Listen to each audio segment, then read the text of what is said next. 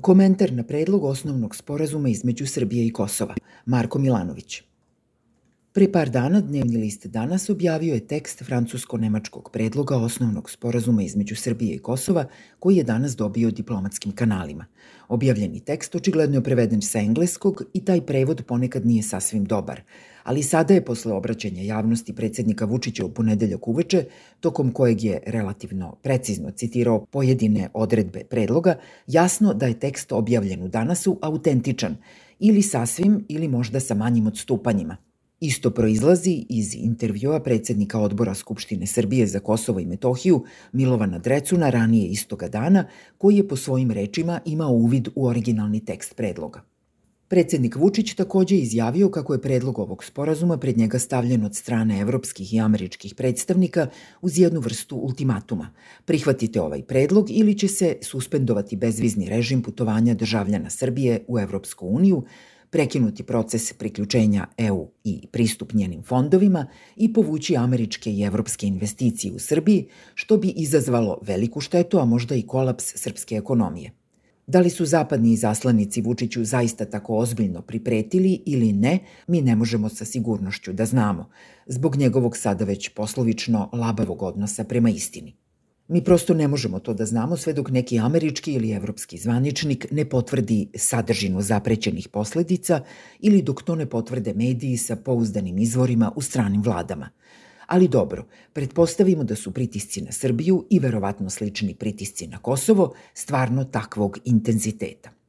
U ovom tekstu ja ću pokušati da objasnim suštinu predloga osnovnog sporazuma, pre svega sa stanovišta međunarodnog prava – Moj cilj ovde nije da bilo koga ubedim, ni u Srbiji, ni na Kosovu, da sporazum treba prihvatiti ili ne. To je stvar svakog građanina. Cilj mi je, ponavljam, samo da objasnim suštinu ovog predloga, a ona je sledeća. Prvo, jasno je da u pitanju nije konačni, pravno obavezujući sporazum Srbije i Kosova u obliku međunarodnog ugovora, o čijem zaključenju se poslednjih meseci toliko priča. Ovde se radi o sporazumu političkog karaktera, datoj reči, kakvi su bili i svi dosadašnji sporazumi po ovim pitanjima. Iz osnovnog sporazuma jasno proističe da sklapanje konačnog pravno obavezujućeg ugovora tek predstoji. Drugo, tekst osnovnog sporazuma zasnovan je na modelu osnovnog ugovora između dve Nemačke, potpisanog 1972. godine, koji je u pojedinim odredbama prepisan od reči do reči, ali koji za razliku od ovog osnovnog sporazuma jeste bio međunarodni ugovor između dve države. Posledica sklapanja tog osnovnog ugovora bila je prijem obe Nemačke Ujedinjene nacije, ali kako ću objasniti, to nije verovatni ishod potpisivanja ovog sporazuma, barem ne u kratkom ili srednjem roku. Treće, potpisivanje ovakvog osnovnog sporazuma od strane Srbije ne bi predstavljalo priznanje Kosova, kako pojem priznanja shvata međunarodno pravo, mada bi u političkom smislu, kao i svi dosadašnji sporazumi, bilo jedan korak u tom pravcu i bilo prihvatanje sposobnosti Kosova da ovakve sporazume zaključuje, kao što se do sada već desilo. U tom pogledu osnovni sporazum ne sadrži ono što je osnovni zahtev kosovske strane, priznanje, koje Kosovu nije potrebno samo iz simboličnih, već i iz praktičnih razloga. Četvrto, osnovni zahtev i osnovna novina ovog osnovnog sporazuma je u odredbi koja kaže da se Srbija neće protiviti ulasku Kosova u međunarodne organizacije. Tu se pre svega misli na Ujedinjene nacije, mada se one eksplicitno ne pominju. Primarna obaveza kosovske strane je već postojeća, a to je uspostavljanje nekog oblika srpske samouprave na Kosovu. Sve ostalo u tekstu osnovnog sporazuma opšta su mesta ili stvari simbolike koje su nekom možda važne, a nekom ne, ali praktično nemaju neke suštinske posledice. U ovom trenutku, dakle, izbor pred Srbijom je da li će da pristane na to da preuzme političku obavezu da se više ne protivi ulasku Kosova u međunarodne organizacije ili će trpeti negativne posledice koje će zbog tog odbijanja uslediti.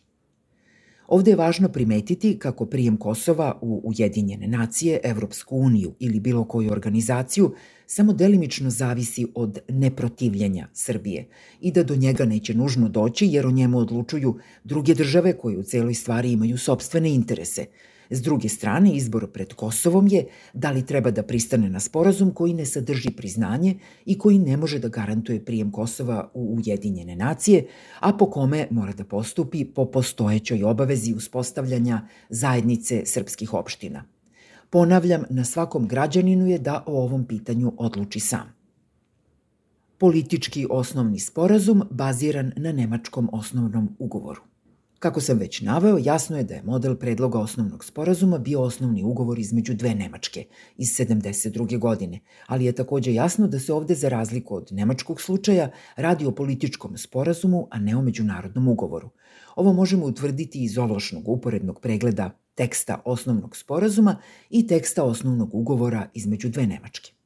Svrha tog ugovora bila je normalizacija odnosa između zapadne i istočne Nemačke. Ukratko, zapadna Nemačka je uprkos ustavnoj obavezi državnih organa da rade na ujedinjenju Nemačke, odustala od pozicije po kojoj je jedino i isključivo ona mogla da zastupa celu Nemačku u međunarodnim odnosima i po kojoj je odbijala odnose sa drugim državama koje su priznavale istočnu Nemačku. Zaokret zapadno-nemačke politike kao otopljavanju odnosa sa istokom doveo je do zaključenja osnovnog ugovora i do prijema obe Nemačke u Jedinjene nacije 73. godine. Očigledne podudarnosti između dva teksta mogu se videti i u preambuli i u operativnim odredbama oba instrumenta. Na primer, stav 1 člana 1 osnovnog sporazuma do reči je prepisan član 1 osnovnog ugovora – Strane će međusobno razvijati normalne, dobrosusedske odnose na bazi jednakih prava. Drugi stav tog člana dodaje već postojeću obavezu specifičnu za srpsko-kosovski kontekst. Obe strane će međusobno priznati relevantna dokumenta i nacionalne simbole, uključujući pasoše, diplome, tablice vozila i carinske pečate.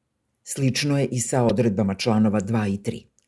Član 4 stav 1 osnovnog sporazuma prepisan je iz člana 4 osnovnog ugovora. Strane polaze od pretpostavke da ni jedna od njih ne može predstavljati drugu stranu u međunarodnoj sferi ili delovati u njeno ime. Ali zato drugi stav tog člana sadrži zapravo najkonkretniju i za srpsku stranu najtežu obavezu. Srbija se neće protiviti članstvu Kosova u bilo kojoj međunarodnoj organizaciji. Kako znamo da se u našem slučaju radi o političkom sporazumu, a ne o pravno obavezujućem međunarodnom ugovoru? Prvo, naziv ovog instrumenta je sporazum koji može biti i politički i pravni, dok se naziv nemačkog instrumenta, ugovor, u praksi koristi isključivo za pravno obavezujuće ugovore. Drugo, dok član 10 osnovnog ugovora sadrži završnu odredbu o ratifikaciji i stupanju na pravnu snagu, takve odredbe nema u osnovnom sporazumu. Treće i najvažnije, Član 6 stav 1 osnovnog sporazuma izričito kaže sledeće. Iako ovaj osnovni sporazum predstavlja važan korak u normalizaciji, obe strane će nastaviti proces dijaloga koji vodi Evropskoj uniji novim zamahom, što će dovesti do pravno obavezujućeg, sveobuhvatnog sporazuma za normalizaciju odnosa. Dakle, pravno obavezujući sveobuhvatni sporazum o normalizaciji je nešto što tek treba da usledi posle potpisivanja ovog osnovnog sporazuma. Ovo je samo međukorak ka tom konačnom sporazumu, kakvi su bili i svi dosadašnji sporazumi Srbije i Kosova, od briselskog sporazuma preko sedenja na hoklici kod Donalda Trumpa do registarskih tablica. Potpisivanje osnovnog sporazuma ne bi bilo protivno Ustavu Srbije. Na stranu to da li bi potpisivanje ovog osnovnog sporazuma bilo dobra ideja ili ne, ono ne bi bilo protivno Ustavu Srbije. Ustav Srbije u svojoj preambuli kaže da je pokrajina Kosovo i Metohija sastavni deo teritorije Srbije, da ima položaj suštinske autonomije u okviru suverene države Srbije i da iz takvog položaja pokrajine Kosova i Metohije slede ustavne obaveze svih državnih organa da zastupaju i štite državne interese Srbije na Kosovu i Metohiji u svim unutrašnjim i spoljnim političkim odnosima. Ali ta preambula nije pravno obavezujuća i tako je formulisana da se može različito tumačiti, šire ili uže. Član 114 Ustava dalje pominje Kosovo u zakletvi predsednika pri preuzimanju dužnosti, dok član 182 pominje Kosovo kao autonomnu pokrajinu. Sam po sebi ovaj osnovni sporazum o normalizaciji odnosa nije protivan Ustavu, jer po svojoj prirodi i sadržaju radikalno ne odstupa od već postojećih sporazuma između Srbije i Kosova. Ustavni sud Srbije je 2014. presudio sa 11 glasova naspram 4 kako potpisivanje briselskog sporazuma nije bilo u suprotnosti sa Ustavom, jer je u pitanju bio politički sporazum, a ne pravni akt. Jednako važi i za osnovni sporazum. Primetiću u tom pogledu i da je mnogo kuražniji i kompetentniji Savezni ustavni sud Nemačke 73. našao da je osnovni ugovor između dve Nemačke, koji jeste bio pravno obavezujući za razliku od našeg slučaja, bio u skladu sa Ustavom, osnovnim zakonom Nemačke. Mislim da je i iz pravnih i iz političkih razloga sasvim jasno da Ustavni sud Srbije ne bi rekao ništa drugačije ako ga neko bude nešto pitao o ustavnosti osnovnog sporazuma Srbije i Kosova. Pitanje ustavnosti postaje ozbiljnije u slučaju zaključenja konačnog međunarodnog ugovora između Srbije i Kosova, ali mi smo, kako mi se čini, još uvek daleko od nekog takvog trenutka. Nije priznanje još uvek. Potpisivanjem osnovnog sporazuma Srbija ne bi formalno, ni eksplicitno, ni implicitno priznala nezavisnost Kosova kako pojam priznanja shvata međunarodno pravo, a to je jasan izraz volje jedne države da neki drugi entitet smatra državom. To je uprkos odrebama sporazuma, članovi 1 do 3, koje po ugledu na osnovni ugovor između dve Nemačke pominju jednaka prava strana, rukovođenje ciljevima i principima utvrđenim u povelji Ujedinjenih nacija ili obavezu mirnog rešavanja sporova. Pažljivim čitanjem tih odredaba na način na koji to čine pravnici, jasno je da Srbija ni u jednom trenutku Kosovo ne naziva državom. S druge strane, preambula osnovnog sporazuma jasno kaže kako strane pristaju na taj sporazum, polazeći od istorijskih činjenica i bez prejudiciranja različitih stavova strana o osnovnim pitanjima, uključujući pitanje statusa. Ovom odredbom sačuvana je pozicija Srbije da Kosovo ne predstavlja nezavisnu državu. To je sa pravnog stanovišta prosto tako, jer, ponavljam, ne postoji jasan, nedvosmislen izraz volje Srbije da nezavisnost Kosova prizna. Drugim rečima, kada bi neki međunarodni sud odlučivao o tome da li je Srbija priznala Kosovo potpisivanjem ovog ili prethodnih sporazuma, odgovor bi bio ne, i to bez neke veće dvojbe. Stvari tako stoje sa čisto pravnog stanovišta. Sa političkog stanovišta potpisivanje ovog sporazuma kao i prethodnih sporazuma koji nisu bili čisto tehničkog karaktera, sigurno jeste korak ka konsolidaciji državnosti Kosova. Smatrao to neko poželjnim ili ne, to je voz koji je davno napustio stanicu. Prijem Kosova u Ujedinjene nacije i Evropsku uniju. Time dolazimo do najbitnije odredbe ovog sporazuma u članu 4 stav 2. Srbija se neće protiviti članstvu Kosova u bilo kojoj međunarodnoj organizaciji. Mada se Ujedinjene nacije ovde ne pominju eksplicitno, kao ni Evropska unija, jasno je da se ovde pre svega radi o Ujedinjenim nacijama i njenim takozvanim specijalizovanim agencijama. Kosovo je članstvo u sistemu Ujedinjenih nacija od velikog praktičnog značaja. S druge strane, prijem Kosova u Savet Evrope po rečima gospodina Vučića, diplomatski već završena stvar – ali to nije tako ni sa Ujedinjenim nacijama, između ostalog jer nezavisnost Kosova do sada nije priznala otprilike polovina članstva Ujedinjenih nacija, ni sa eventualnim prijemom Kosova u Evropsku uniju, jer do sada nezavisnost Kosova nije priznalo pet od 27 država članica Evropske unije, Španija, Slovačka, Rumunija, Kipar i Grčka.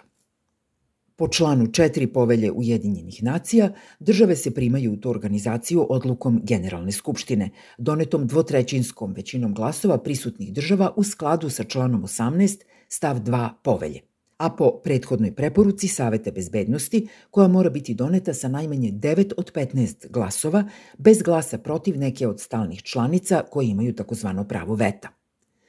Bilo koja stalna članica Saveta bezbednosti, a tu pre svega mislim na Kinu i Rusiju, može sprečiti prijem Kosova u Ujedinjene nacije, čak i ako to želi dve trećine država članica. S druge strane, prijem u Evropsku uniju, pored cele mukotrpne procedure i ispunjenja relevantnih standarda, zahteva saglasnost svih postojećih članica. To znači da bilo koja od sadašnjih pet država članica Evropske unije koje ne priznaju Kosovo ima odlučujući uticaj o prijemu Kosova u tu organizaciju. Ovde je bitno primetiti tri ključne stvari. Prva je da je odredba osnovnog sporazuma po kojoj se Srbija neće protiviti članstvu Kosova u međunarodnim organizacijama dosta nejasna i podložna različitim tumačenjima. Ona sigurno znači da Srbija ima obavezu da formalno ne glasa protiv prijema Kosova u, na primer, Ujedinjene nacije. ali ne mora da glasa za, može da bude uzdržana ili da ne glasa uopšte. Ali nejasno je da li ova obaveza obuhvata i neko zagovaranje Srbije prema drugim državama koje se o ovom pitaju, to jest da li zabranjuje Srbiji da pokuša da ubedi druge države da ne glasaju za prijem Kosova. Drugo, mnogi države koje ne priznaju Kosovo to ne čine nužno zato što smatraju da je nezavisnost Kosova protivna međunarodnom pravu, već zato što imaju sobstvene secesionističke probleme i žele da izbegnu da Kosovo bude presedan za rešavanje tih problema. Bilo koji dogovor Srbije i Kosova koji ne predstavlja dovoljno jasan akt priznanja i dobrovoljnog pristanka Srbije na nezavisnost Kosova, kakav osnovni sporazum nije, kao što sam već objasnio, za te države verovatno nije dovoljan. Drugim rečima, nezavisno od toga da li Srbija nešto traži od, na primer, Kine ili Indije, te države mogu smatrati da, zbog sobstvenih problema, Tajvana, Tibeta, Kašmira i dalje ne smatraju svrsishodnim da podrže članstvo Kosova u Ujedinjenim nacijama, barem dok se između Srbije i Kosova ne sklopi neki konačni obavezujući sporazum. Isto važi i za postupak prijema Kosova u Evropsku uniju. Treće, podsjećam da je za prijem Kosova u Ujedinjene nacije potrebna saglasnost svih stalnih članica Saveta bezbednosti, a ovde pre svega mislim na Rusiju. Ruski imperialistički projekat u Ukrajini, koji uključuje pitanja teritorijalnog suvereniteta i njen sukob sa Zapadom mogu dovesti do toga da Rusija, uprkos promenjenih stavova Srbije, i dalje ne želi da odobri pristup Kosova u Ujedinjene nacije. Čak i ako bi Srbija sada od Rusije eksplicitno tražila da glasa za prijem Kosova, Rusija bi po mom sudu želela da sačeka i da prijem Kosova koristi kao ulog u svojim pregovorima sa Zapadom do kojih će u nekom trenutku doći. Ukratko, ja ne vidim kako bi Kosovo moglo biti primljeno u Ujedinjene nacije dok ne dođe do nekakvog rešenja ukrajinsko-ruske krize, a od toga smo, bojim se, vrlo daleko. Ili, drugačije rečeno, Prihvatanje osnovnog sporazuma od strane Srbije ne čini verovatnim da Kosovo može u nekom razumnom predstojećem periodu očekivati da postane članica Ujedinjenih nacija. Mislim i da građani Srbije i građani Kosova moraju da to dobro razumeju.